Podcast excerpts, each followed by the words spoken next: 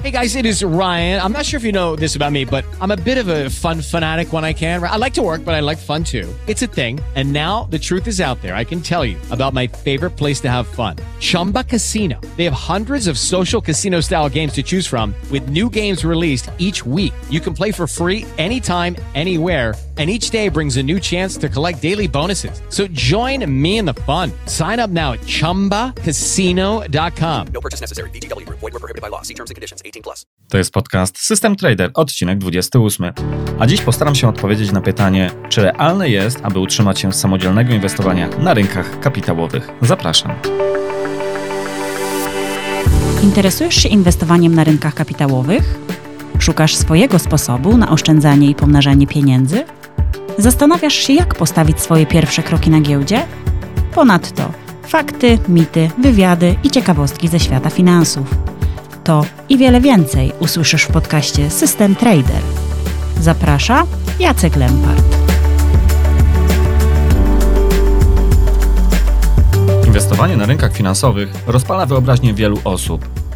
I nic w tym dziwnego, gdy słyszy się historie ludzi, którzy dorobili się w ten sposób ogromnych fortun. Próg wejścia do świata finansów jest obecnie najniższy w historii. Właściwie wystarczy mieć łącze internetowe i dosłownie parę złotych w kieszeni. Voila! Jeśli nieco później uda się nam szybko pomnożyć zwykle niewielki kapitał początkowy, ale za to w tempie wielokrotnie większym niż na lokacie bankowej, to w naturalny sposób pojawia się myśl o tym, czy aby to właśnie nie był przełomowy punkt w naszym życiu. I piękną wizję niezależności finansowej burzą tylko nieco, delikatnie ujmując, statystyki. A mówią one o tym, że większość niestety kończy swoją karierę inwestycyjną z odchudzonym portfelem. Dziś postaram się odpowiedzieć na pytanie, czy inwestując pieniądze na rynkach kapitałowych można zarobić godziwe pieniądze. Zapraszam. Dzień dobry, dzień dobry. Witam Cię serdecznie w 28 odcinku podcastu System Trader. W momencie, gdy nagrywam te słowa, jest ostatni dzień marca 2019 roku. Za oknem piękne słoneczko, wiosenne słoneczko, ptaki śpiewają, drzewa się zielenią, po prostu chce się żyć. Ale my tutaj e, dzisiaj e, nie będziemy o tym mówić, natomiast e, przejdziemy do nieco mniej może seksownego tematu, a mianowicie spróbuję zmierzyć się z pytaniem, czy inwestując swoje pieniądze na rynkach kapitałowych jesteśmy w stanie zarobić tyle pieniędzy, aby to mogło stanowić nasze jedyne źródło dochodu, jedyne źródło utrzymania. I być może dla osób, które na rynkach finansowych są już obecne od lat, takie pytanie, czy da się z tego, tak mówiąc wprost, żyć, może brzmieć nieco dziwacznie. Natomiast zupełnie inaczej to wygląda z perspektywy kogoś, kto jest mniej zaawansowany, mniej e, spędził czasu na rynkach kapitałowych. To jest być może wręcz początkujący. I takie pytanie serio nurtuje wiele osób. Zresztą e, sam otrzymuję czasami pytanie na maila, czy wystarczy na przykład kwota X, aby już po prostu tylko i wyłącznie poświęcić się inwestowaniu na rynku i z tego żyć. I zwykle tak się dzieje, gdy już nieco handlujemy na tym rynku, gdy już jesteśmy obecni na tych rynkach kapitałowych czas jakiś i być może mamy nawet jakieś pierwsze osiągnięcia w tym zakresie i czujemy się pewni na tym rynku, w tym co robimy. I w momencie, kiedy już myślimy, że mamy pewne umiejętności, które nam pozwolą pomnażać kapitał na rynkach kapitałowych, Zastanawiamy się, ile potrzebujemy tego własnego, prywatnego kapitału, aby to wystarczyło do tego, żeby z tych zysków móc przeżyć i być może jeszcze coś odłożyć na przyszłość. I mówiąc tak zupełnie wprost, y, sam też lata temu, budując y, swoje strategie rynkowe, transakcyjne na kontrakty terminowe, zastanawiałem się, kiedy będę w punkcie, kiedy zostanę, mówiąc tak y, wprost, rentierem, który nie musi już pracować na etacie czy sprzedawać swojego czasu, ale po prostu będzie mógł żyć z tego, co zarobi na giełdzie. I od razu też powiem, tak nieco wyprzedzając ten odcinek, że nie, nie zostałem e, rentierem, ale do tego tematu powrócę jeszcze nieco później w tym odcinku, gdy omówię kilka spraw, które powinny nam pomóc nieco pełniej spoglądnąć na ten cały temat e, w sposób kompleksowy. Zachęcam również wszystkich do pozostania ze mną, do słuchania tego odcinka, ponieważ y, pod koniec tego odcinka opowiem o takiej ciekawej sytuacji, jaka miała miejsce kilka tygodni temu. A mianowicie w swojej skrzynce mailowej znalazłem bardzo e, ciekawego maila od bardzo ciekawej osoby. Napisał do mnie jeden z bardzo uznanych y, traderów, który na rynku jest już bardzo, bardzo długo. I napisał do mnie, ponieważ y, zna mnie z tego, że wcześniej sam z nim robiłem wywiad w ramach mojego podcastu. I poza tym, że facet jest bardzo uznany, jest, y, ma weryfikowalne wyniki w tym, co robi jako, y, i robił jako trader. Natomiast zadał mi bardzo zaskakujące na pierwszy rzut oka pytanie, i myślę, że to pytanie i cała ta historia będzie taką dobrą puentą dzisiejszego odcinka w próbie odpowiedzi na pytanie, czy można utrzymać się e, z własnego, znaczy inwestowania prywatnych pieniędzy na rynkach kapitałowych, więc zachęcam do słuchania. Tytułem wstępu chciałem powiedzieć jeszcze o tym, że dla większości osób, które przychodzą na rynek kapitałowy, pieniądze, jakie tam zarobią, nigdy nie będą jedynym źródłem utrzymania. Być może takie stwierdzenie jest dość pesymistyczne. Natomiast warto, żeby to wybrzmiało jednoznacznie. Zresztą chyba nie powinno to dziwić, jeżeli mniejszość tak naprawdę na rynkach kapitałowych jest w stanie generować regularnie zyski, no to ciężko by oczekiwać, żeby nagle e, w takiej konfiguracji większość mogła z rynków kapitałowych po prostu wyżyć. Rynki kapitałowe mają tę specyfikę, że mówiąc w cudzysłowie, ogłupiają, ponieważ wiele osób, które myślą, że zarobią tam szybko i łatwo pieniądze, jest, e, te osoby są po prostu w błędzie. E, bo tak naprawdę wcale na rynkach kapitałowych nie przyjdzie nam łatwiej zarobić pieniędzy, niż będziemy mogli to uczynić na przykład na etacie w pracy. I mówię tutaj o sytuacji, w której inwestujemy na rynku kapitałowym swoje prywatne pieniądze. Nie będzie też łatwiej nam na rynkach kapitałowych zarobić e, pieniądze e, w porównaniu do tego, gdybyśmy chcieli na przykład otworzyć własny biznes. I tak naprawdę na ten temat, jak rynki kapitałowe potrafią nas ogłupiać, w tym sensie, że potrafią kreować taki iluzoryczny obraz łatwych pieniędzy, to w tym temacie powstało już bardzo wiele opracowań, bardzo profesjonalnych opracowań, chociażby z zakresu e, tak zwanej psychologii behawioralnej. Nikt nie będzie tak naprawdę spośród ludzi, którzy przychodzą nawet na rynki kapitałowe, oczekiwał, że stanie się na przykład wirtuozem gry na fortepianie przez weekend, albo że przez weekend przeczyta książkę o tym, jak się gra na fortepianie, a następnie już w poniedziałek ktoś będzie wirtuozem gry na fortepianie ale na rynkach finansowych w krótkim okresie czasu zwykły, ślepy traf może sprawić błędne wrażenie, że zarabianie pieniędzy jest łatwe. Poza tym, zawarcie transakcji w takim sensie czysto technicznym jest proste w porównaniu do gry na fortepianie. I to wszystko powoduje, że wydaje się nam, że być może pomnażanie, zarabianie pieniędzy na rynkach kapitałowych, rynkach finansowych jest prostsze niż w rzeczywistości ma to naprawdę miejsce. I być może nieco już wyprzedzając ten cały odcinek, wymienię takie dwa podstawowe powody, które sprawiają, że trudno utrzymać się na rynku. Pierwszy powód wydaje się taki bardzo oczywisty. Jest to po prostu brak umiejętności pomnażania tychże pieniędzy na rynkach finansowych.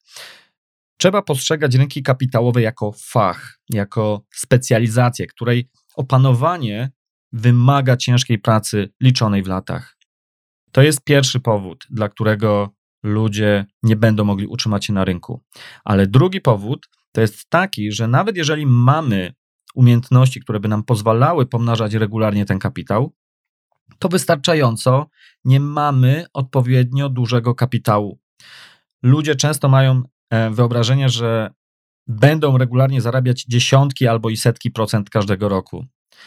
A tak naprawdę niewystarczający kapitał skłania niestety wielu do ponoszenia ogromnego ryzyka, co w efekcie przynosi tak naprawdę skutki odwrotne od zamierzonych. Na potrzeby tego odcinka powiem teraz o kilku jeszcze założeniach, które są bardzo istotne, zanim przejdę do konkretów. Mianowicie będę tu mówił zarazem o inwestowaniu, tradingu, spekulacji i tak dalej, tak naprawdę mając przede wszystkim na myśli umiejętność zarabiania na rynkach finansowych, na rynkach kapitałowych. Ja wiem, że są to różne rzeczy, chociaż granica pomiędzy na przykład inwestowaniem, a tradingiem, nie zawsze jest taka jasna i oczywista. Ale nie to jest najważniejsze w tym momencie, w tym odcinku. Nie będę też zresztą e, mówił nic na temat, na czym ma polegać konkretna metoda czy przewaga pozwalająca nam e, zarabiać pieniądze czy pomnażać pieniądze na rynkach kapitałowych. Zakładam, że po prostu ktoś tę przewagę już ma, że ten ktoś już umie zarabiać na tymże rynku. Więc nie jest to istotne, czy jest to inwestowanie w wartość, e, że ktoś wykorzystuje tutaj analizę fundamentalną, a być może analizę techniczną. Nie jest to dla mnie istotne w tym momencie, czy ktoś jest traderem bardzo krótkoterminowym, być może wręcz e, e, na tak zwanym day tradingu funkcjonuje, a być może jest to podejście takie długoterminowe. Wreszcie nie będę mówił o tym, na jakim rynku ktoś funkcjonuje, czy jest to, e, czy jakim instrumencie, czy jest to rynek akcyjny, czy są to ETF-y, a być może Forex, a może kontrakty terminowe, opcje i tak dalej. Chociaż nie ukrywam tak w nawiasie, mała dygresja, że osobiście zdecydowanie preferuję rynki regulowane, ponieważ e, rynki takie, mm, jak to się mówi, over the counter, OTC, nieregulowane, jak chociażby Forex, e, obarczone są dodatkowymi ryzykami, których ja osobiście po prostu nie chcę ponosić. Ale wracając do założeń tego odcinka, to co jest bardzo kluczowe, to to, że mówię tutaj, czy przedstawiam wersję, która w moim odczuciu jest realistyczna. Dlatego też, jeżeli ktoś, kto słucha teraz, jest e, typem marzyciela, a do tego jest niereformowalny, to podejrzewam, że może dość szybko porzucić e, słuchanie e, tego odcinka, ale mimo wszystko będę bardzo wdzięczny, jeżeli wytrwasz, bo być może zasieje w tobie chociaż pewne ziarno do przemyśleń. E, oczywiście to wszystko, o czym tu mówię, jest moją opinią, chociaż e, opieram tę opinię na bazie swojego już e, też wieloletniego doświadczenia oraz na rozmowach z profesjonalistami, którzy niejednokrotnie na rynkach finansowych funkcjonują nawet po wielo, kilkadziesiąt lat. Dlatego też mimo wszystko zachęcam do tego, żeby posłuchać tutaj, jak moim zdaniem wygląda kwestia zarabiania na rynkach finansowych, jak wygląda kwestia traktowania ich jako źródła dochodu. Powtórzę jednak raz jeszcze, zanim przejdziemy do konkretów. Zakładam tu scenariusz, że ktoś umie zarabiać, ktoś wie, jak pomnażać ten kapitał, a jak wiemy, tacy uczestnicy rynku stanowią mniejszość. Więc y, dlatego, jeżeli jesteś jeszcze osobą początkującą, która być może jeszcze nie czuje się zbyt pewna na rynkach kapitałowych i być może nigdy nawet nie dotrzesz do tego punktu, gdzie będziesz już wiedział, że masz jakąś przewagę rynkową, nadal mimo wszystko warto posłuchać tego, co tutaj będę miał do powiedzenia, dlatego chociażby, żeby nie żyć jakimiś płonnymi nadziejami, że oto rynki kapitałowe staną się dla nas jakąś trampoliną do e, szybkiego szczęścia i bogactwa, bo po prostu tak to nie działa. Okej, okay, to po tym nieco przydługawym e, wstępie e, przejdźmy powoli do konkretów. Spróbujmy sobie odpowiedzieć na pytanie, ile profesjonalny, dobry trader czy inwestor jest w stanie zarobić na rynku kapitałowym. Otóż wszystkie znane nam informacje, dane historyczne pokazują, że długoterminowo, za okres kilkudziesięciu lat, najlepsi z najlepszych na świecie są w stanie zarabiać około 20% rocznie. E, I generalnie można też zaobserwować taką tendencję, że im dłużej ktoś jest na rynku, tym średnia tam ma takie właśnie tendencje również do spadania. To znaczy, przebicie tego pułapu 20% e, jest cholernie trudne i raczej można mówić o poziomie wtedy 10-15% ale jeszcze raz podkreślę, mówimy tutaj o absolutnie najlepszych z najlepszych. Andreas Klenow, facet, z którym e, robiłem wywiad e, w odcinku 25, jest to człowiek, który prowadzi swój fundusz hedgingowy w Zurichu, w Szwajcarii i ma w swoim portfelu pod zarządzaniem około pół miliarda dolarów. Powiedział w wywiadzie, że biorąc udział w wielu konferencjach, czy rozmawiając z wieloma tak zwanymi retail traderami, czyli inwestorami indywidualnymi, prywatnymi, mają oni według jego oceny 5-10 razy większe oczekiwania od profesjonalistów na rynku. To znaczy, jeżeli retail trader, czyli taki inwestor indywidualny, jakim być może jesteś ty, ma oczekiwania, żeby na rynku, mówiąc tak kolokwialnie, wycisnąć rocznie 20%, to owszem, e, ta liczba się zgadza, tyle że zakres czasowy jest inny, bo Andreas Klenow, jeżeli mówi o 20%, to ma na myśli tutaj skalę roku. Natomiast y, prywatni inwestorzy często chcieliby to zarabiać w miesiąc, a niektórzy i w tydzień. Oczywiście, jeśli się ze mną nie zgadzasz, y, to jest Twoje prawo i to nie o to chodzi, żebym ja tutaj komuś narzucał swoje, e, swoją opinię, czy e, twierdził, że każdy ma też słuchać e, to, co do powiedzenia ma Andreas Klenow. Natomiast mówię tutaj o kimś, kto jest profesjonalistą, kto obraca realnie wielkim kapitałem i po prostu z tego żyje. Ale do tego tematu też wrócimy, bo, bo to nie jest tak, że Andreas Klenow to jest taki przypadek, który będzie można, e, czy powinno się tak jeden do jeden przenieść e, na poziom e, jakiegoś inwestora indywidualnego, ale to z innych powodów, o których będę mówił w dalszej części tego odcinka. Oczywiście może się zdarzyć, że w krótkim okresie czasu będziemy na rynkach kapitałowych w stanie wygenerować ponadprzeciętne zyski, znaczy znacznie powyżej tych 20%, o których tutaj wspomniałem.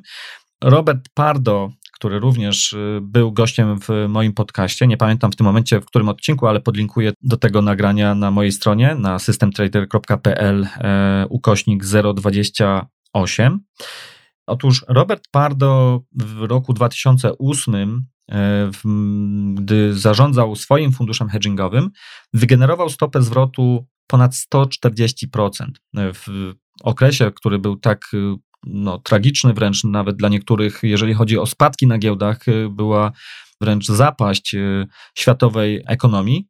Jemu udało się e, w jego algorytmicznym podejściu do handlu, do tradingu, bo to bardziej jest e, trading niż inwestowanie, wygenerować taką ponadprzeciętną stopę zwrotu. Jego reakcja zresztą do tego wydarzenia była taka, że on mając przewagę przez lata na rynku, wie, że e, jego zadaniem jest to, aby przede wszystkim kontrolować stronę ryzyka, żeby nie dopuszczać do nadmiernego ryzyka, które by spowodowało, że po prostu zbankrutuje. Natomiast pozostawia sobie jak gdyby otwartą furtkę do nieograniczonego zysku. I on właśnie twierdzi, że będąc długo na rynku przy takim podejściu, w końcu można trafić, i to jest bardziej przypadek niż umiejętność, na to, że wygenerujemy taki ponadprzeciętny zysk. I on też wiedział od razu, że to nie będzie do powtórzenia bardzo szybko, żeby kolejny rok również mógł y, wygenerować 140%. Natomiast oczywiście zachowanie ludzi w jego funduszu y, było zdecydowanie inne niż jego podejście do tego, ponieważ jak y, wszyscy zobaczyli, że on zarabia 140%, no to oczywiście zachęciło to innych do tego, aby wrzucić pieniądze do funduszu, a nie wycofać się z tego funduszu, żeby skasować zyski. Ale okej, okay, to jest taka dygresja, nie jest to takie bardzo w tym momencie dla nas kluczowe. To, co jest kluczowe, to to, że zarabianie powyżej 10-20% nie jest łatwe. Natomiast y, oczywiście ktoś może powiedzieć, że osoby, o których tutaj mówię, to są duzi gracze, czy chociażby Warren Buffett, który jest tak najczęściej cytowany, no po prostu nie może zarobić więcej, ponieważ ma na tyle duży kapitał, że zwyczajnie po prostu ogranicza go ta wielkość. Natomiast, y, no oczywiście w pewnym sensie jest to prawdą, i nie jest tutaj żadną y, tajemnicą, że na pewno łatwiej jest pomnożyć 10 tysięcy złotych niż e, na przykład miliard dolarów, ale z punktu widzenia inwestora indywidualnego, mówiąc tak kolokwialnie, to nie tu jest e, pies pogrzebany, bo problem inwestora indywidualnego leży w zupełnie innym miejscu, o którym będę za chwilę mówił nieco więcej. Ale dla tak zniecierpliwionych, którzy e, już są nieco znudzeni tym, że ja tutaj cały czas powtarzam o tym zarabianiu 10-20% w skali roku, że to przecież są takie grosze, to proponuję takie kilkudziesięciosekundowe ćwiczenie. Wyobraźmy sobie, że będziemy zarabiać 100% każdego roku. czyli każdego roku będziemy podwajać swój kapitał. I załóżmy, że mamy 10 tysięcy złotych na start. Co się dzieje? Otóż po roku mamy oczywiście 20 tysięcy złotych. Po 7 latach toczenia tej naszej śnieżnej kuli w takim tempie, gdzie każdego roku ta kula się podwaja, e, mamy już na liczniku pierwszy milion. Po 10 latach mamy 10 milionów. Po 17 latach mamy miliard. A po 20 latach takiego pomnażania kapitału w tym tempie 100% rocznie mamy 8 miliardów. I to zaledwie z kwoty startowej 10 tysięcy złotych. No więc chyba każdy czuje, że ten klimat coś nie do końca e, wygląda tak, jak powinien, bo po prostu zwyczajnie mówiąc tak wprost, nikt tego jeszcze w życiu nie dokonał. Dlatego zamiast skupiać się na takich kompletnie nierealnych scenariuszach, gdzie będziemy każdego roku podwajać, czy jeszcze szybciej nawet e, pomnażać swój kapitał, to lepiej skupić się na tym, jak kontrolować swoje ryzyko, jak wypracować swoją przewagę i mieć długofalową, wieloletnią strategię e, swojego działania na rynkach kapitałowych. Ale pozostańmy jeszcze przez kilka minut w takich oparach absurdu, że tak powiem, i w takiej wersji e, hardkorowej, e, marsjańskiej. I załóżmy, że ktoś e, nie jest inwestorem, jest day traderem i zarabia 50, a może nawet i 100% rocznie. Ja osobiście jestem bardzo sceptycznie nastawiony do tak wielkich stóp zwrotu, bo zwykle mówiąc o takich poziomach, o takich szybkich przyrostach kapitału, mm, nie zadajemy sobie pytania, dlaczego pośród największych gigantów, e, mówię tutaj o rynkach kapitałowych, e, chociażby jak już wspomniany Warren Buffett, nikt y, nie realizuje takich wielkich stóp zwrotu. Oczywiście już mówiliśmy wcześniej, że być może to jest powodem, że ogranicza tych wielkich, y, ten um, wielki kapitał, który, którzy, który mają na rynku. Ale tak naprawdę to nie o to chodzi, bo Warren Buffett nie słyszałem, żeby e, w latach, e, nie wiem, 50. czy 60. pomnażał swój kapitał w tempie 100 czy więcej procent rocznie. Ale szczerze mówiąc, też nie znam tutaj historii Buffetta, więc nie będę już w tym momencie e, wchodził dalej w ten klimat. Natomiast generalnie to nie chodzi na pewno o to w Buffetcie, że on pomnażał ten kapitał bardzo magicznie szybko, tylko po prostu, że robił to konsekwentnie, ale tak naprawdę e, to tempo przyrostu było znacznie mniejsze. To nie w ten sposób on e, jest dziś tu, gdzie jest, ale o tym będę mówił jeszcze nieco później. Jeżeli mówimy o wielkich stopach zwrotu, to jak już też wspomniałem wcześniej, zwykle odnosi się to do bardzo krótkiego okresu, maksymalnie kilku lat. I zwykle też, e, zwłaszcza jeżeli te wielkie zyski są uzyskane przez inwestorów indywidualnych, te wielkie E, stopy zwrotu odnoszą się do niewielkiego kapitału. Bo chciałbym widzieć, jak ktoś e, pomnaża swój cały kapitał, swój cały majątek, właściwie nawet e, osobisty, w tempie 100% na przestrzeni 5-10 lat. I to w każdym roku. Nie, nie widziałem ani nie słyszałem takiego przypadku, jeżeli chodzi o działalność na rynku kapitałowym. Poza tym, Zapominamy zwyczajnie tutaj, mówiąc cały czas tylko o stopach zwrotu, o drugiej stronie równania, mianowicie o ryzyku, że z ryzykiem też jest zwią e, związana zmienność i fluktuacje w naszym portfelu, czy też mówiąc wprost, straty i bankructwa. Pamiętaj, jest takie powiedzenie na rynkach finansowych, e, że jedyne osoby, które nie mają nigdy strat, to są po prostu kłamcy. Dlatego jeśli ktoś przechwala się wielkimi stopami zwrotu, zwłaszcza w internecie, i nie jest to żaden fundusz, czy żadna instytucja, e, czy ktoś, kto, kogo możemy zweryfikować, czy mówi prawdę, to zwykle jest to najczęściej zwykła ściema. Poza tym jesteśmy poddawani e, błędowi tak zwanej przeżywalności. Po angielsku nazywa się to survivorship bias. Ktoś mówi na przykład o wielkich stopach zwrotu, które statystycznie nawet głupcowi przepraszam, mogą się przytrafić w krótkim okresie czasu. Natomiast nie mówi się o tym, ilu próbując osiągnąć te wielkie stopy zwrotu, zwyczajnie po drodze odpadło z całej gry, bo zbankrutowali, bo wyzerowali swoje konta. W rachunku prawdopodobieństwa ok, przepraszam, taka znów mała dygresja, będzie nieco naukowo. Mówi się o takich zdarzeniach y, jako outliers, czyli takie grube ogony. Oczywiście one mogą być po tej pozytywnej i negatywnej e, stronie rozkładu prawdopodobieństwa, no ale może się zdarzyć tak, że pomimo, że przeciętni, najlepsi nawet inwestorzy, czy przeciętni nawet inwestorzy zarabiają jakąś tam stopę zwrotu roczną, ale gdzieś tam daleko, daleko w tym rozkładzie prawdopodobieństwa będzie jakiś e, w tym grubym ogonie przypadek, gdzie ktoś zarabia kwoty ponadprzeciętne. No ale cóż, e, to są tylko i wyłącznie wyjątkowe sytuacje, a my tutaj będziemy mówić o czymś, co ma być powtarzalne, co ma być realne.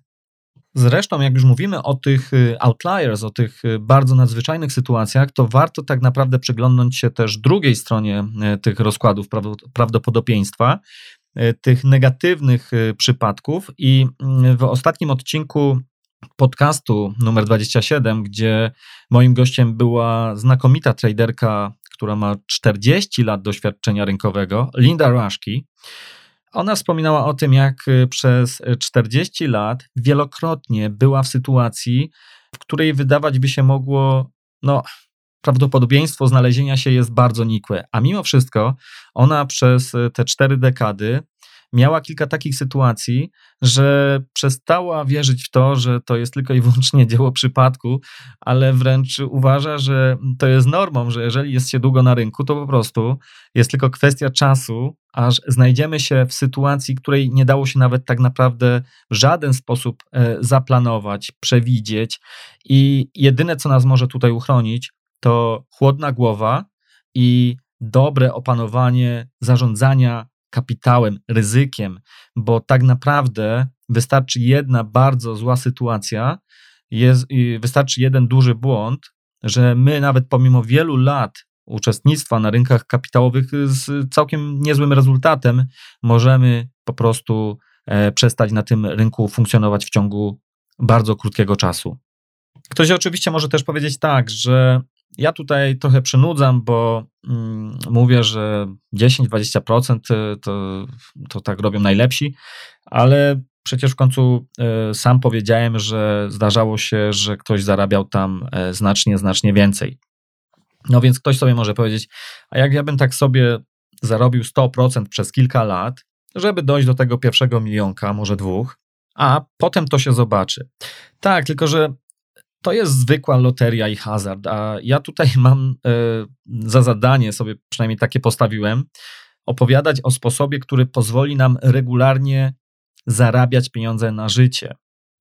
Bo jeżeli będziemy mówić o e, scenariuszach czysto hazardowych, to równie dobrze możemy porozmawiać tutaj o Las Vegas, o e, skreślaniu kuponów Totolotka.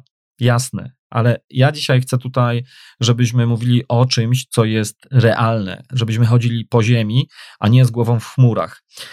Jeśli oczywiście masz inną historię, inne doświadczenia, to zapraszam. E, być może będzie ciekawy podcast, ciekawy wywiad, e, być może będziesz miał jakąś ciekawą historię do opowiedzenia. Ale też e, nie chciałbym, żebyś mi opowiadał sytuacji takich, jak na przykład ktoś zarobił na bitcoinie jakąś dużą kasę bo to, co jest istotne na rynkach finansowych, na rynkach kapitałowych, to umiejętność też odróżnienia szczęścia od przypadku. Jeżeli ktoś, nie mając zupełnie pojęcia o rynkach kapitałowych, zainwestował faktycznie w tego bitcoina, a później być może jakimś trafem, bo chyba może na przykład nawet nie oglądał tych notowań i faktycznie dotrzymał do momentu, kiedy ten bitcoin był wart wiele tysięcy dolarów i sprzedał to następnie i stał się milionerem, to to są, wiem, że takie bardzo chwytające za serce sytuacje i, i, i historie. Natomiast to są tylko i wyłącznie sytuacje, które można porównać do mm, wygranej w totolotka. Bo jeżeli ktoś taki, nawet wygrywając te pieniądze zupełnie ślepym trafem, nie zda sobie z tego sprawy i zacznie jeszcze tutaj sobie dorysowywać y, teorię o tym, że oto właśnie on chyba ma w sobie jakiś cudowny gen i jest geniuszem na rynkach kapitałowych, to bardzo źle, bo to ego spowoduje, że bardzo szybko straci te pieniądze. E, dlatego też, jeżeli ktoś tutaj słucha tego odcinka i naprawdę zarobił ogromne pieniądze na rynkach y, kryptowalut, i nadal te pieniądze ma, a ma bardzo niewielkie doświadczenie, to ja, ja na miejscu takiej osoby przynajmniej już teraz, mając swoje doświadczenie, to co bym zrobił, to zrealizowałbym zyski i nie dotykał tych rynków przez przynajmniej czas jakiś, zanim się nie ogarnę, zanim nie zrozumiem, jakimi mechanizmami tutaj kierują te rynki mm, kapitałowe.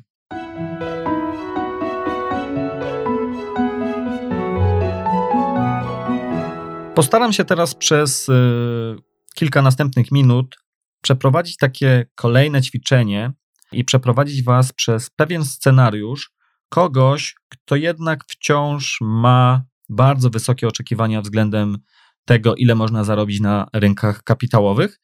I zróbmy sobie takie założenie, że ktoś chce zarabiać, może już nawet nie 100%, ale powiedzmy sobie 50% rok po roku. I teraz sobie, być może jest to jakiś hiperaktywny trading, day trading, whatever.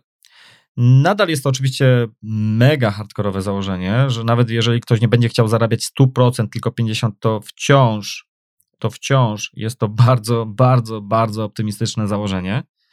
Ale na potrzeby tego odcinka załóżmy również sobie, że ktoś właśnie bardzo mocno wierzy, że może taką stopę zwrotu regularnie każdego roku wycisnąć.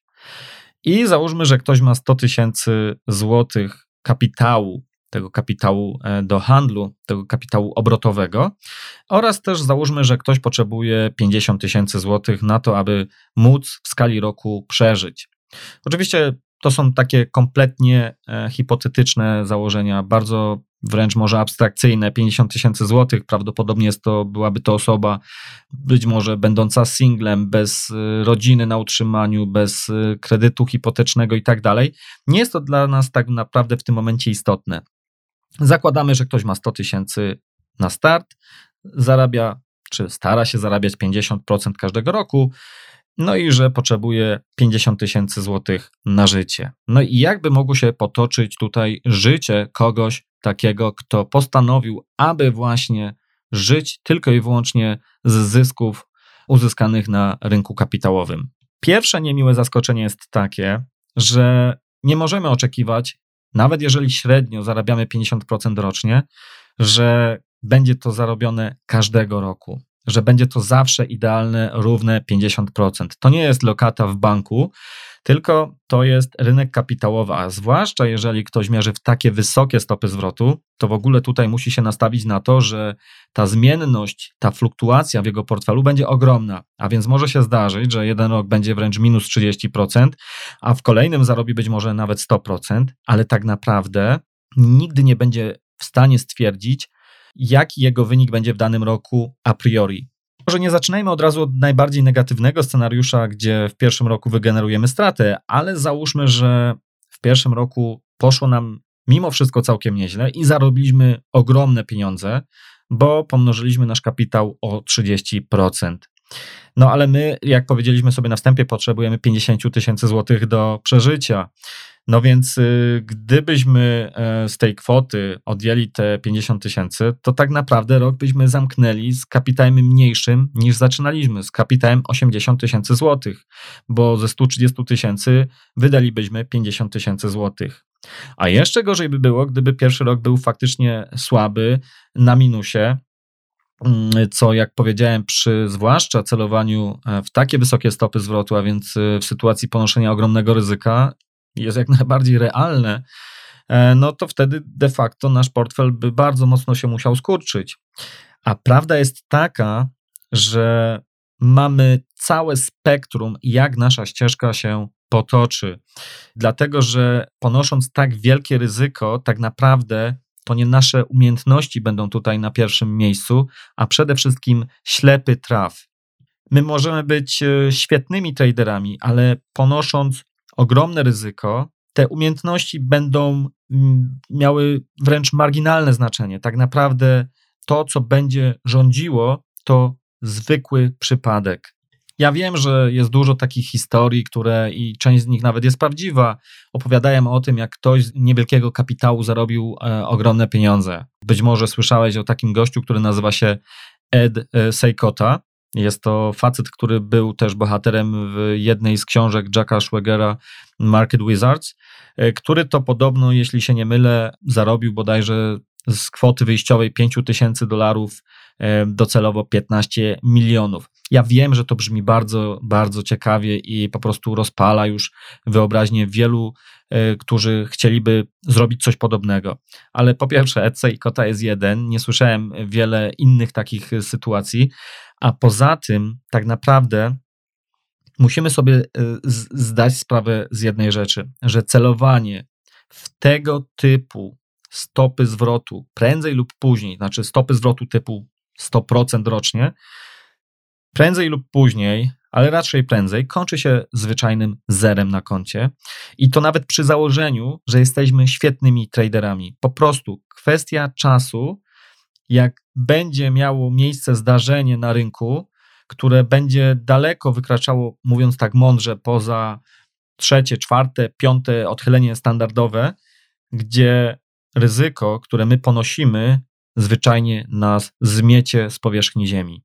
Linda Rushki wspominała, jak e, prowadząc swój fundusz w Nowym Jorku miała biurowiec obok wieży World Trade Center i przez y, kilkanaście dni nie mogła tam nawet dojść, nie miała w ogóle kontaktu. Opowiadała o sytuacjach jak flash crash, opowiadała o sytuacjach, jak, jaka miała miejsce na, mm, na rynku w 1987 i wiele innych sytuacji, które spowodowały, że e, jej się udało przeżyć, ale wielu jej kolegów i koleżanek po prostu pożegnało się z karierą na rynkach finansowych, bo jedno nieprzewidziane zdarzenie spowodowało, że ryzyko, które mieli oni w portfelu, spowodowało, że zbankrutowali zwyczajnie w świecie. To kończąc już te marsjańskie opowieści o tym, że będziemy zarabiać po wiele dziesiątek procent rocznie każdego roku, ktoś może powiedzieć, że w tym scenariuszu, który tu przytoczyłem, że ktoś startuje kwotą 100 tysięcy złotych z zamiarem zarabiania 50% w skali roku, e, jest być może zbyt negatywny, bo być może gdybyśmy tutaj zamiast 100 tysięcy mm, podstawili kwotę 200, a może 300 tysięcy złotych, to już by problem był z głowy. Ale ja będę cały czas obstawał przy swoim, że ponosząc tak wielkie ryzyko, losowość a nie umiejętności, będzie przede wszystkim rządzić w naszym portfelu. A mając zresztą taki kapitał kilkuset tysięcy złotych, którym mamy odwagę funkcjonować aktywnie na rynkach e, kapitałowych, lepiej zdecydowanie skupić się na kontroli ryzyka, zmniejszając to ryzyko, a więc obniżając też zarazem oczekiwania, bo wtedy um, zamiast e, zarabiać 50%, być może będziemy musieli celować w wyniki typu nawet poniżej 20%, co wciąż jest naprawdę niesamowicie dobrym wynikiem, chociaż e, wielu uznaje to za coś bardzo słabego. Hmm, bardzo zastanawiające i ciekawe, tak swoją drogą, do czego też jeszcze wrócę w tym odcinku. Trzeba też jeszcze sobie zdać sprawę z jednej sytuacji, że im nasz kapitał będzie większy, tym my będziemy mieć tendencję do tego, żeby zachowywać się w bardziej konserwatywny sposób. To nie jest tak, że ktoś, kto pomnoży sobie 1000 zł 10 razy, pomyśli sobie, że tak samo zrobi y, z kwotą 100 tysięcy złotych y, czy z milionem złotych. No, tak to nie funkcjonuje, naprawdę. Poza tym, mówiąc tutaj o tym scenariuszu, gdzie my będziemy chcieć się utrzymywać z rynku, ja cały czas tak naprawdę tylko mówiłem o tym, żebyśmy byli w stanie zarobić pieniądze, które pozwolą nam się utrzymać przy życiu, czy utrzymać naszą rodzinę, czy uregulować rachunki, jakie mamy do opłacenia. Natomiast nic nie mówiłem o tym, żeby jeszcze móc odkładać pieniądze na przyszłość, żeby móc jeszcze powiększać kapitał. No cóż, ale od początku tego odcinka wspominałem, że nie będzie tutaj e, przepisu na to, jak e, łatwo, szybko i przyjemnie e, zarobić miliony na, na giełdzie. Zejdźmy teraz e, nieco na ziemię.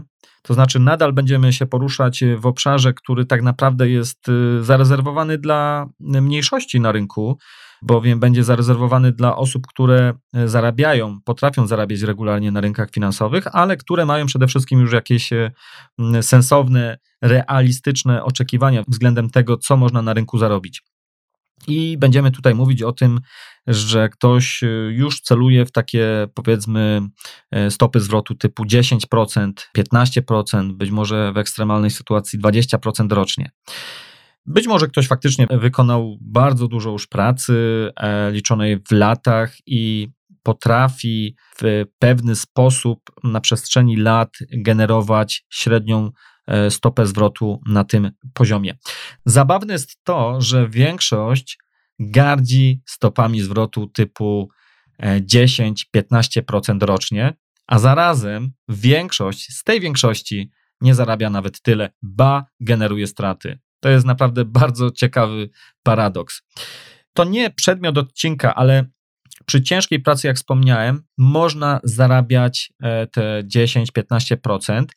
Tylko zwróćmy uwagę tutaj na jedną rzecz. Jeżeli mamy na przykład kapitał na poziomie 100 tysięcy złotych, to wtedy zarobimy za, zaledwie 10 tysięcy złotych w skali roku.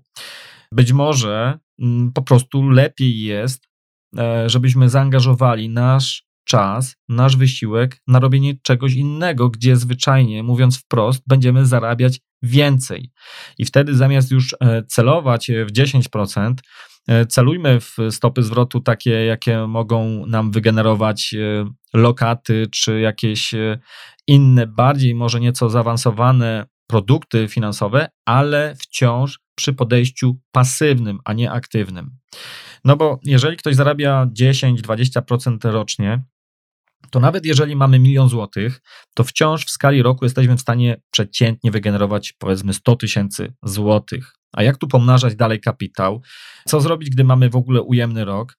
Weź też pod uwagę, że nawet zarabiając, dajmy na to 15% rocznie, możemy mieć naprawdę spore obsunięcia w portfelu. Oczywiście Nikt z nas z góry nie chce zakładać, że będzie tak się działo, ale jednak e, realia są takie, że nawet Buffett w swojej ponad e, e, półwiecznej już historii inwestycyjnej miał obsunięcia na swoim kapitale na poziomie przekraczającym 40 i 50%.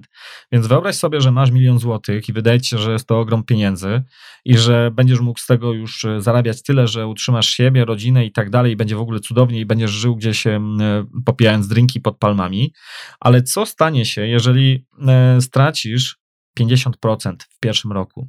Oczywiście jest to bardzo negatywny scenariusz, nawet zakładając, że ktoś, kto zwróć uwagę, wie, co robi na rynkach kapitałowych, bo chyba nikt nie odbierze tutaj umiejętności e, Warrenowi, a mimo wszystko zdarzyło mu się mieć takie obsunięcie. To jak byś się zachował, gdyby nagle z miliona złotych e, na koncie pojawiła się kwota pół miliona złotych, a do tego będziesz musiał wygenerować 100% teraz stopy zwrotu, żeby być w punkcie wyjścia. Także warto brać to wszystko pod uwagę. Dlatego, i tu przechodzimy tak naprawdę wreszcie po, niech spoglądnę tutaj, e, ponad 40 minutach do clue tego odcinka. Otóż, jeżeli ktoś faktycznie potrafi zarabiać 10-20% rocznie, to żeby móc z tego się utrzymywać, warto rozważyć jeden z trzech scenariuszy, jakie sobie tutaj e, wybrałem, wypisałem e, na liście. Pierwszy scenariusz, pierwsza opcja to jest, ja sobie tutaj roboczo ją nazwałem rentierska. Otóż w tej opcji zakładamy, że ktoś posiada odpowiednio duży kapitał własny, kapitał obrotowy. I załóżmy, że ktoś potrzebuje i teraz już bądźmy realistyczni e, w, w, założeniach. Ktoś potrzebuje rocznie na utrzymanie swojego gospodarstwa, swojego domu, rodziny 200 tysięcy złotych każdego roku. I teraz zastanówmy się, ile taka osoba powinna mieć kapitału, żeby móc e, po prostu ze swoich e, wygenerowanych zysków na rynkach kapitałowych utrzymać takie gospodarstwo domowe. No tak, można powiedzieć, wystarczy milion, 20% i mamy te 200 tysięcy, ale ja w życiu na coś takiego bym nie poszedł. Dla mnie absolutnie minimum, absolutne minimum przy takim założeniu to byłoby mieć w portfelu jakieś 5 milionów, chociaż bardzo, bardzo bym się nad tym jeszcze zastanawiał. Przy 10 milionach już bym się czuł e, zdecydowanie bardziej komfortowo. Ale dlaczego? Otóż po pierwsze dlatego, że chciałbym się czuć e, komfortowo w sytuacji, kiedy będę miał gorszy rok, a być może nawet lata. Kiedy nie będę generował tych 200 tysięcy złotych, które sobie założyłem, a które są potrzebne do utrzymania mojego e, gospodarstwa. A po drugie też po to, żeby móc budować i powiększać ten kapitał na przyszłość. Więc posiadając nawet 5 milionów e, w swoim portfelu inwestycyjnym i nawet zarabiając e, bardziej e, konserwatywnie, przeciętnie 10%, to daje nam pół miliona złotych rocznie. Ale to trzeba wiedzieć, że to jest to, co już też mówiłem wcześniej. To nie jest tak jak na lokacie, że będziemy mieć pół miliona rok w rok na swoim koncie, które będzie nam przyrastało, tylko to będzie uśrednione pół miliona. Dlatego też dla własnego samopoczucia, a ono jest też potrzebne do tego, żebyśmy nie popełniali błędów e, decyzyjnych w procesie inwestycyjnym, dobrze jest mieć dużo większy kapitał. No więc jak widzimy w tej opcji rentierskiej, tak naprawdę niewielu uczestników rynku byłoby w stanie się do tej opcji załapać, bo nie będzie miała e, większość, nie ma większość tego kapitału, że tak powiem, obrotowego, który tak naprawdę de facto jest nie tyle kapitałem do wydania, tylko jest naszym narzędziem pracy. Więc to, że ktoś posiada wtedy 5 milionów nawet e, dolarów, to byłoby fajnie, ale 5 milionów złotych, bo mówiliśmy tutaj o złotówkach, to nie jest to kapitał do wydania, że sobie kupimy e, w tym momencie nowego Porszaka i jeszcze do tego kupimy sobie fajne mieszkanie czy fajny dom i właściwie to już nam wiele nie zostanie. Tylko mówimy o narzędziu do pracy, które nam ma pozwalać generować zyski, które utrzymują nasze gospodarstwo. To jest ta pierwsza opcja rentierska. Mówimy cały czas tutaj o obracaniu na rynkach kapitałowych swoją prywatną kasą, swoim prywatnym kapitałem.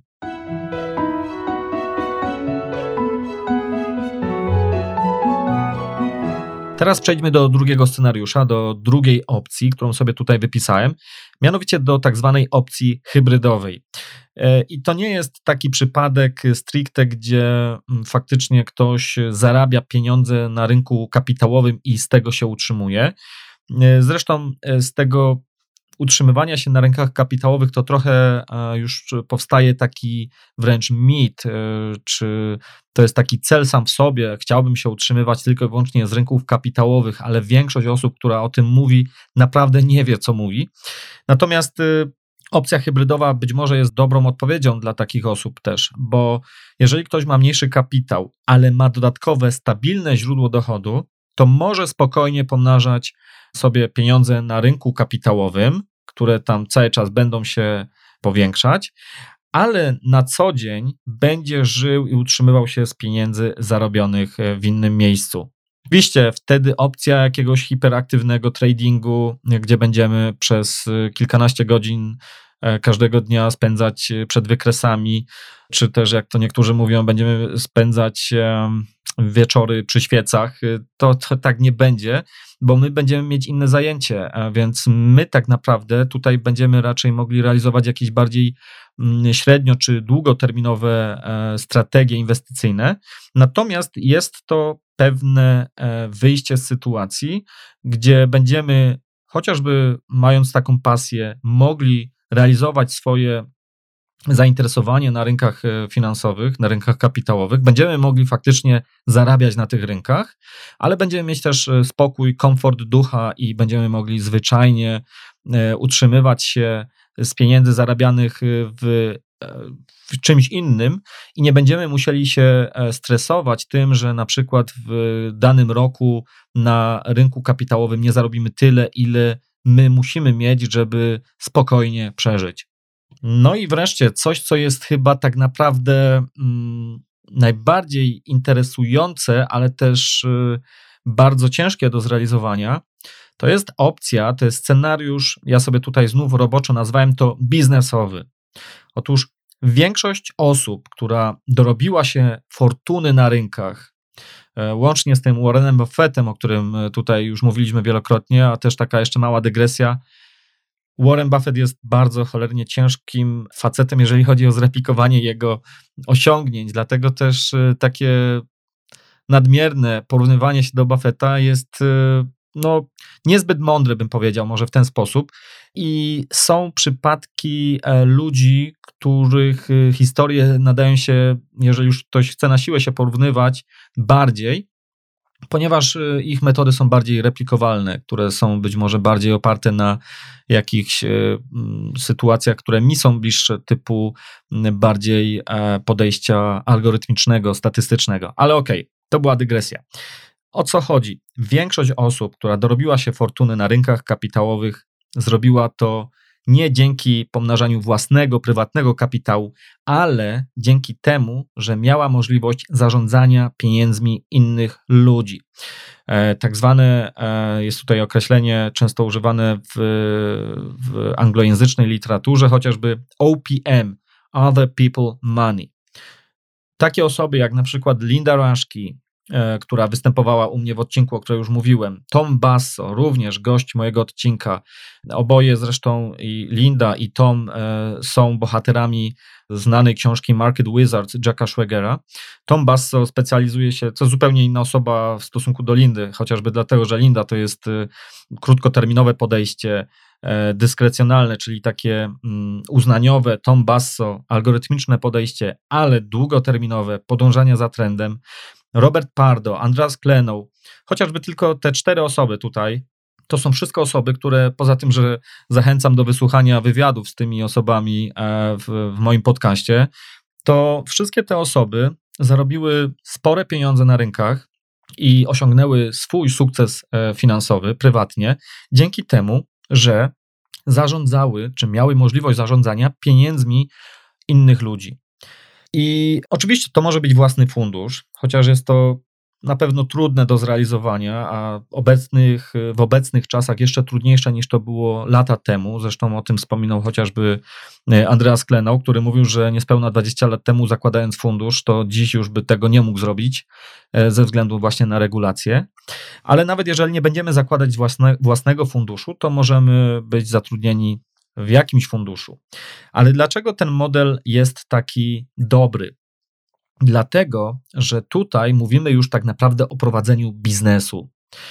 Mamy tutaj e, na przykład, bo są różne podejścia, ale e, możemy rozważyć tutaj tak zwany chociażby model 220, jak to się mówi w skrócie, czyli model, w którym od kwoty, którą mamy w portfelu, którą zarządzamy, mamy z góry e, jakiś tak zwany management fee, i na przykład w Stanach Zjednoczonych jest to 1,5-2%, plus mamy tak zwany udział w zysku, success fee. No więc teraz sobie można wyobrazić, że mm, na przykład Tom Basso, który miał w portfelu ponad pół miliarda dolarów, chyba 600 ponad milionów y, dolarów miał w szczytowym okresie, zatrudniał y, nie więcej niż 10 osób, to on y, z samego tytułu tylko management fee rocznie otrzymywał ponad 10 milionów dolarów. A do tego jeszcze otrzymywał success fee. A więc jeżeli pomnożył kapitał, e, załóżmy pół miliarda dolarów przez 10, czyli e, zarobił 50 milionów dolarów, to z tych 50 miliard, e, milionów dolarów miał jeszcze udział 20 procent, czyli jeszcze 10 drugie dodatkowe milionów zarabiał. E, I tak jak mówię, czyli zarabiając na przykład 20 milionów dolarów i prowadząc firmę de facto biznes, w którym mamy do opłacenia 10 osób i nie mamy żadnej fabryki ani innych specjalizowanych rzeczy, tylko po prostu e, wynajmujemy biuro, no to to jest e, niezły biznes. Ale to, co jest jeszcze bardziej kluczowe, to to, że mm, ktoś, kto prowadzi taki fundusz, nie musi się silić na wielkie stopy zwrotu. On się przede wszystkim skupia na tym, aby jak najwięcej do siebie przyciągnąć kapitału. To się po angielsku nazywa assets under management, czyli my nie możemy sobie pozwolić na to, aby wystraszyć klientów i żeby zabrali pieniądze z naszego funduszu, dlatego że na przykład mamy ogromne fluktuacje w portfelu, tylko my będziemy starać się tak mądrze zarządzać tym kapitałem, żeby generować zyski, ale żeby te fluktuacje były niezbyt wielkie, na tyle wielkie, aby odstraszać ludzi. I naszym głównym celem jest tutaj przede wszystkim przyciąganie do siebie jak największego kapitału, żeby ten portfel e, się powiększał, a reszta już się dzieje sama, po prostu skala, kwestia skali, czyli naprawdę tutaj sky is the limit. Ten biznes może tutaj być bardzo mocno skalowalny, a my im więcej przyciągniemy do siebie kapitału, tym e, tak naprawdę będziemy w stanie wypracować większy zysk dla siebie robiąc tak naprawdę dokładnie to samo. Bo czy mamy fundusz na poziomie portfela miliona dolarów, a mając fundusz na poziomie 100 milionów dolarów, 100 razy większy, to nasza praca będzie praktycznie ta sama, ale nasze zyski będą zupełnie inne. Dlatego to jest po prostu klasyczny biznes, klasyczne skalowanie biznesu. I dlatego też w tym punkcie chciałbym może trochę sarkastycznie wszystkich wielkich inwestorów, w cudzysłowie, którzy zarabiają, gardzą stopami zwrotu typu 10-20%, niech oni zrozumieją, że naprawdę wystarczy zarabiać 10% w skali roku. Jeżeli ktoś będzie miał taki track record, historię, że zarobił na jakimś, powiedzmy, akceptowalnym kapitale, nawet nie musi to być jakiś kapitał wielomilionowy, ale regularnie te 10-20% w skali roku, to taka osoba ma całkiem spore szanse, żeby zrobić karierę czy to w funduszu hedgingowym, czy być może jeżeli będziemy mieć możliwość e, zebrania kapitału, założyć własny fundusz hedgingowy. I nie trzeba będzie ryzykować swoim kapitałem i bankructwem, tylko będziemy mogli po prostu zrobić z naszej obecności na rynku kapitałowym biznes. Bo to jest ciekawe swoją drogą, że ludzie swoją własną kasą, swoimi własnymi pieniędzmi mają tendencję do ryzykowania znacznie bardziej niż cudzymi. Jeszcze dosłownie na chwilę wrócę do Lindy Raszki, ponieważ ona powiedziała w bodajże moim pierwszym wywiadzie, którego udzieliła mi e, w, e, na wiosnę 2018 roku, że ona była w ogóle zaskoczona tym, jak kiedyś policzyła sobie, ile zarabiała pieniędzy, gdy handlowała swoim prywatnym kapitałem, że w gruncie rzeczy zarabiała całkiem niewielkie pieniądze. Ale w momencie, kiedy zaczęła traktować to jako biznes, w momencie, kiedy otworzyła swój własny fundusz hedgingowy, w którym w szczytowym momencie miała bodajże 150 milionów dolarów, to wtedy zaczął się z tego robić całkiem e, zyskowny biznes. Ona zresztą zatrudniała mniej osób niż Tom Basso, natomiast była w stanie dzięki temu, że przez lata robiła bardzo dobre stopy zwrotu, była w stanie zarabiać całkiem spore pieniądze. Zresztą ona też e, inwestowała w ramach tego funduszu własnymi środkami. E, była jednym z udziałowców tego funduszu i przez lata tych pieniędzy nie ruszała i z tej kwoty 150 milionów dolarów, oczywiście niektórzy klienci przychodzili, niektórzy odchodzili, a jej kapitał cały czas tam w tym funduszu y, pozostawał. Z czasem przyrósł do takich poziomów, że ona była jednym z większościowych udziałowców tego całego funduszu. To tak swoją drogą już na marginesie. Dlatego generalnie zamykając ten temat, jeżeli ktoś myśli o naprawdę robieniu wielkiej kasy na rynkach finansowych, to raczej nie będzie tego robił przy pomocy swojego prywatnego kapitału, tylko przy pomocy kapitału innych ludzi. A teraz y, chciałem przytoczyć tą historię, o której wspomniałem na samym początku, a mianowicie o tym tajemniczym mailu, którego otrzymałem kilka tygodni temu do swojej skrzynki. Maila otrzymałem od bardzo uznanego tradera, Zdradzę tylko jedną rzecz, bo nie zdradzę personaliów tej osoby, dlatego że była to wiadomość prywatna, natomiast e, zdradzę tylko tyle. Była to osoba, z którą faktycznie przeprowadziłem wywiad e, u siebie w podcaście. Jest to osoba, która ma absolutnie weryfikowalne wyniki e, i to znakomite wyniki. Natomiast ta osoba akurat nie działa w biznesie mm, funduszowym, tylko przez całą swoją karierę zarządza E, swoim prywatnym e, kapitałem i handluje na swój prywatny rachunek. I ta osoba, pomimo że wiedzie się jej całkiem dobrze, napisała do mnie maila pod wpływem wywiadu, jakiego udzielił mi Andreas Klenow, e, który właśnie między innymi też poruszał temat tego, czym różni się trading na rachunku prywatnym versus takiego handlu profesjonalnego w postaci chociażby funduszu hedgingowego. I ten trader właśnie napisał do mnie, że kurde, to mi tak otworzyło bardzo mocno oczy, że ja już o tym myślałem, co prawda dużo wcześniej, ale ten wywiad był taki przełomowy i e, po prostu doszło do mnie, że te lata, lata temu żałuję nieco, że nie podjąłem decyzji o tym, aby jednak pójść w otwarcie biznesu w postaci chociażby założenia własnego funduszu hedgingowego, tylko postanowiłem e, w obawie przed tymi różnymi regulacjami, tymi dodatkowymi obowiązkami, pójść w stronę handlu na, na swój rachunek, bo taka jest często też e, argumentacja ludzi, że ja nie chcę się bawić w żadną e, instytucję, w żadną zabawę w fundusze, bo ja chcę się skupić na handlu, na tradingu, na inwestowaniu. Natomiast ten trader zwrócił uwagę na to, że teraz nieco żałuje, bo przez lata to powodowało u niego wręcz y, wymuszoną sytuację, gdzie on musiał również szukać dodatkowych źródeł dochodu w postaci chociażby realizowania różnych y, szkoleń, e, różnych konferencji, pisania książek i tak dalej. I pomimo, że zarabia całkiem przyzwoite i wręcz może bardzo dobre pieniądze, to mógłby wyjść na znacznie wyższy poziom, gdyby zaczął to bardziej traktować e, w sposób biznesowy. I dlatego też poprosił mnie o kontakt właśnie do Andrasa Klenoa, żeby móc ten temat przegadać i e, nigdy nie jest za późno, jak widzicie.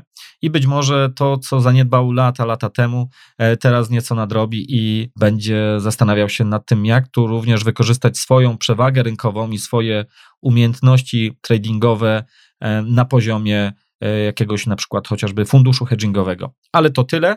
Natomiast chciałem o tej sytuacji opowiedzieć, ponieważ myślę, że to może być coś, co Wam pokaże, jak jest cholernie ciężko utrzymywać się z zysków na rynkach kapitałowych, że osoba, która na rynkach jest dłużej niż wielu z Was, którzy teraz słuchają tego odcinka, uwierzcie mi, jest to naprawdę osoba, która ma weryfikowalne wyniki, a mimo tego nawet taka osoba stwierdza, że lata temu mogła postąpić nieco inaczej, wybierając swoją e, ścieżkę życiową.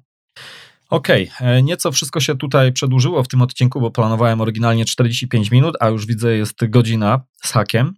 Ale zanim zakończę ten odcinek, e, Zależało mi na tym, żeby e, całą tą historię z tym tajemniczym traderem Wam przedstawić, bo ona powinna być taką dobrą puentą do tego, czy można zarabiać na tyle godziwe pieniądze na rynkach kapitałowych, by z tego żyć. Ale na koniec chciałem jeszcze przedstawić też swoją sytuację. E, bo być może nie każdy z Was, kto słucha tego podcastu, wie, kim jestem i dlaczego w ogóle tutaj się wymądrzam, być może w temacie zarabiania na rynkach kapitałowych. Poza tym, że sam jestem na tych rynkach już e, obecny od e, ponad 10 lat, co wciąż jest tak naprawdę mm, niewielkim jeszcze doświadczeniem, gdyby tu porównać to do na przykład Perry Kaufmana, który był również gościem u mnie w chyba szóstym odcinku chociaż nie pamiętam, który na rynku już spędził lat ponad 50, więc y, to trochę robi różnicę. Natomiast y, chciałem przedstawić tutaj nieco swoją sytuację i tak, żeby był jakiś kontekst tego, kto do Was w ogóle tutaj o tym mówił. Otóż y, ja pracuję w branży IT i to jest tak naprawdę po dzień dzisiejszy moje główne źródło utrzymania. Jestem freelancerem i no cóż, jest to taka branża, która pozwala na pewno świetnie żyć i pozwala zarabiać e, bardzo, bardzo dobre pieniądze. Nie ukrywam tego, zwłaszcza tym bardziej, że nie jestem już takim świeżakiem po studiach, tylko przez e, całkiem sporo lat już funkcjonuję w branży IT i nadal niejako, przynajmniej e, to się zdecydowanie z, zmieniło w stosunku do tego, gdy kiedyś tam pracowałem w korporacji na etacie. Teraz nie pracuję na takim klasycznym etacie, ale nadal jako freelancer sprzedaję niejako swój czas, przynajmniej w pewnym zakresie, ale robię to zupełnie świadomie, ponieważ działam w takim obszarze, gdzie to wynagrodzenie za pracę jest mocno ponadprzeciętne. A pozwala mi to odkładać bardzo dużą część pieniędzy zarobioną w ten sposób i lokować je na rynkach kapitałowych. Więc y, dla mnie, z punktu widzenia profilu ryzyka, jest to bardzo dobra sytuacja. Ja nie mogę sobie pozwolić na to, aby oszczędności swojego życia, czy kapitał, jaki mi się udało e, zgromadzić, postawić na jedną szalę, rzucić wszystko i e, zająć się tylko i wyłącznie na przykład tradingiem na full time, na pełny etat, e, jakimś day tradingiem i zobaczyć, co z tego wyjdzie. Po prostu nie, bo to byłoby nieodpowiedzialne w mojej sytuacji życiowej, przy kapitale, którym dysponuję. Zdecydowanie nie jest mi to potrzebne do szczęścia.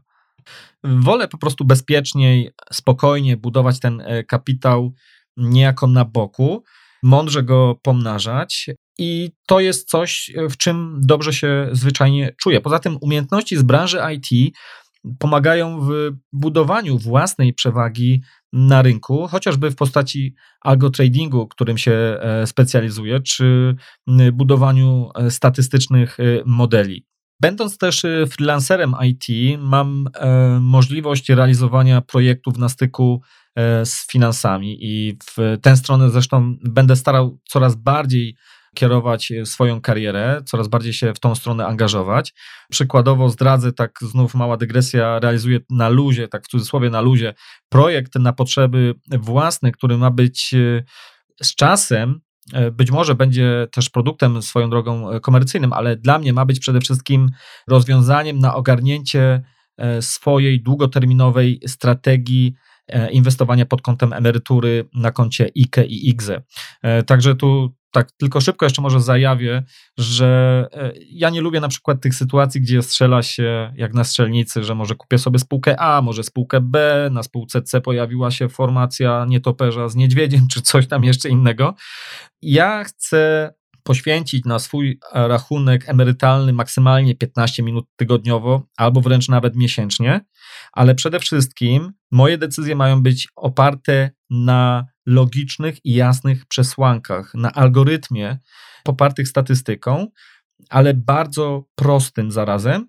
I nie chodzi tutaj o generowanie jakichś niebotycznych zysków, tylko generowanie alfy, czyli tego, co daje ponad to, co daje rynek e, względem na przykład WIG, WIG20 i na przykład realizować zyski regularnie typu 10-15% w skali roku, minimalizując zarazem e, stronę drugą tego równania, czyli obsunięcia na linii kapitału i zamiast obsunięcia typu 50 i więcej procent, zredukować je do na przykład maksymalnie 20%. Więc mając e, taką strategię, dla mnie to już będzie ok. I robię to w sposób zupełnie e, algorytmiczny, w sposób, e, zresztą to jest po prostu oprogramowanie, więc e, jeżeli będzie to rozwiązanie, które będzie mnie osobiście satysfakcjonować, być może również docelowo wyjdzie z tego jakiś produkt komercyjny. Ale okej, okay, to tak tylko zupełnie nawiasem mówiąc. Natomiast to, o czym chciałem powiedzieć, to to, że właśnie działając w branży, w której mm, ja funkcjonuję, czyli w IT, daje mi swobodę i luz również w działaniu na rynkach kapitałowych, ale bez takiej wiszącej nad moją głową gilotyny, że co się stanie, jeżeli e, będę miał przyszły rok słabszy, a być może wręcz pod kreską. Okej, okay, to już naprawdę tym razem e, wszystko z mojej strony. Spróbuję tylko tak szybko jeszcze podsumować ten odcinek. Po pierwsze, większość na rynku traci i to jest fakt. I nie mówię tego po to, żeby cię odstraszyć od rynków kapitałowych, ale po to, żebyś zrozumiał, że zarabianie na rynkach to gra w umiejętności. Warren Buffett tak mówię, że nie lubię mówić cały czas o tym Warrenie, a cały czas mi sam przychodzi do głowy. Ale okej, okay, Warren Buffett powiedział kiedyś takie fajne słowa, a niedawno e, gdzieś tego używałem, więc mam to nadal na świeżo w głowie. Investing is simple, but not easy. Czyli po prostu inwestowanie jest proste, ale nie jest łatwe. I w ramach podsumowania tego odcinka zachęcam do tego, żeby o tym e, pomyśleć przez chwilę. Rynki kapitałowe przy scenariuszu, w którym operujemy własnym prywatnym kapitałem, mogą być naszym źródłem utrzymania, ale tylko jeśli mamy wystarczająco duży kapitał. E, często osiągnięcie tak dużego kapitału samo w sobie jest nie do zrealizowania na pracy etatowej. Dlatego w efekcie dla bardzo nielicznej grupy ludzi rynki kapitałowe będą mogły stanowić jedyne źródło utrzymania. Nie oczekuj zresztą, że rynki finansowe są jakimś magicznym miejscem, gdzie można pieniądze zarobić łatwiej niż e, w innym miejscu. Jest to naprawdę bardzo wysoce konkurencyjne środowisko i tylko niestety bardzo niski próg wejścia e, do tego środowiska powoduje, że przyciąga e, wiele osób, które mają bardzo złe nastawienie, bardzo złe, wręcz śmieszne oczekiwania e, względem rynku. Dlatego miej realistyczne oczekiwania. A my, jako ludzie, mamy tendencję do przeceniania własnych y, możliwości. Nie oczekuj, że będziesz regularnie przez lata zarabiał więcej niż 10-15%, bo dla większości profesjonalistów i to tych najlepszych, jest to bardzo trudne do zrealizowania. Natomiast jest to możliwe jest to możliwe, żeby zrobić to w warunkach powiedzmy domowych, gdzie faktycznie wtedy mniejszy kapitał będzie działał na naszą korzyść, ale to nie znaczy, że to jest takie proste, łatwe, szybkie i przyjemne. Jeśli nie masz kapitału, a masz umiejętności, to rozważ też y, pracę na przykład w funduszu lub wręcz y, rozważ y, otwarcie własnego funduszu. Oczywiście to jest już trudne, jak już mówiliśmy na, w tym odcinku, natomiast takie możliwości również są gdzieś tam na horyzoncie. Dalej, unikajmy takiego ślepego porównywania się do innych osób, dlatego że zawsze należy uwzględnić kontekst, w którym my funkcjonujemy, w którym funkcjonują tamte osoby. Bo inna sytuacja, jeżeli ktoś ma lat 20 i nie ma nic, y, że tak powiem, na głowie w postaci kredytu hipotecznego, rodziny, dzieci, żony.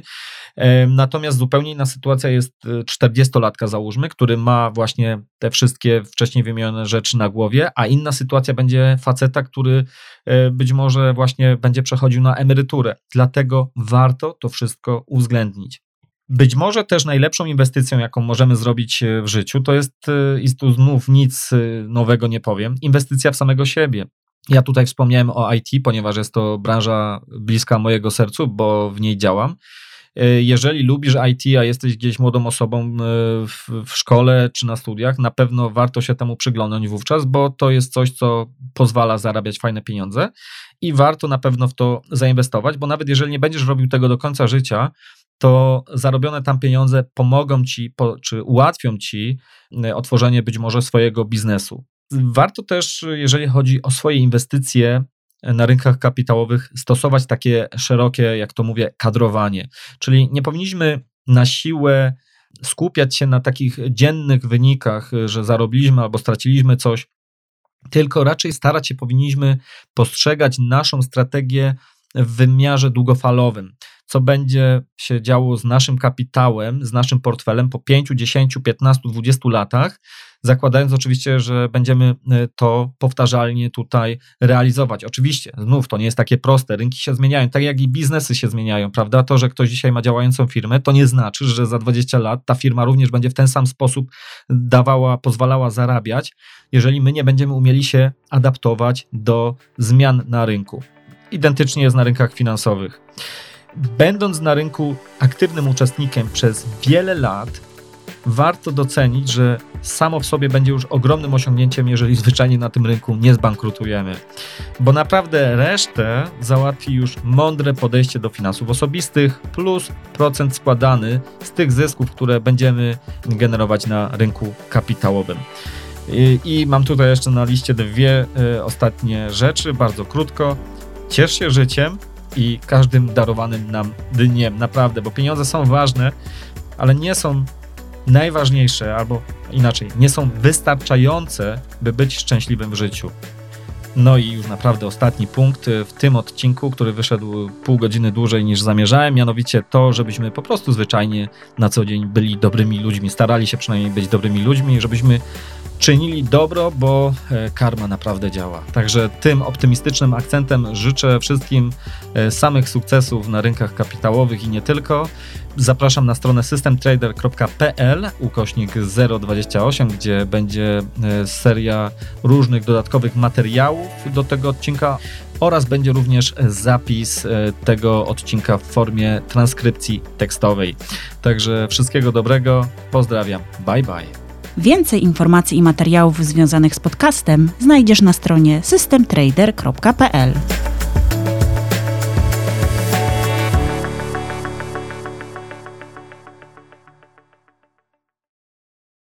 Judy was boring. Hello. Then Judy discovered chumbacasino.com. It's my little escape. Now Judy's the life of the party. Oh, baby, Mama's bringing home the bacon. Whoa. Take it easy, Judy.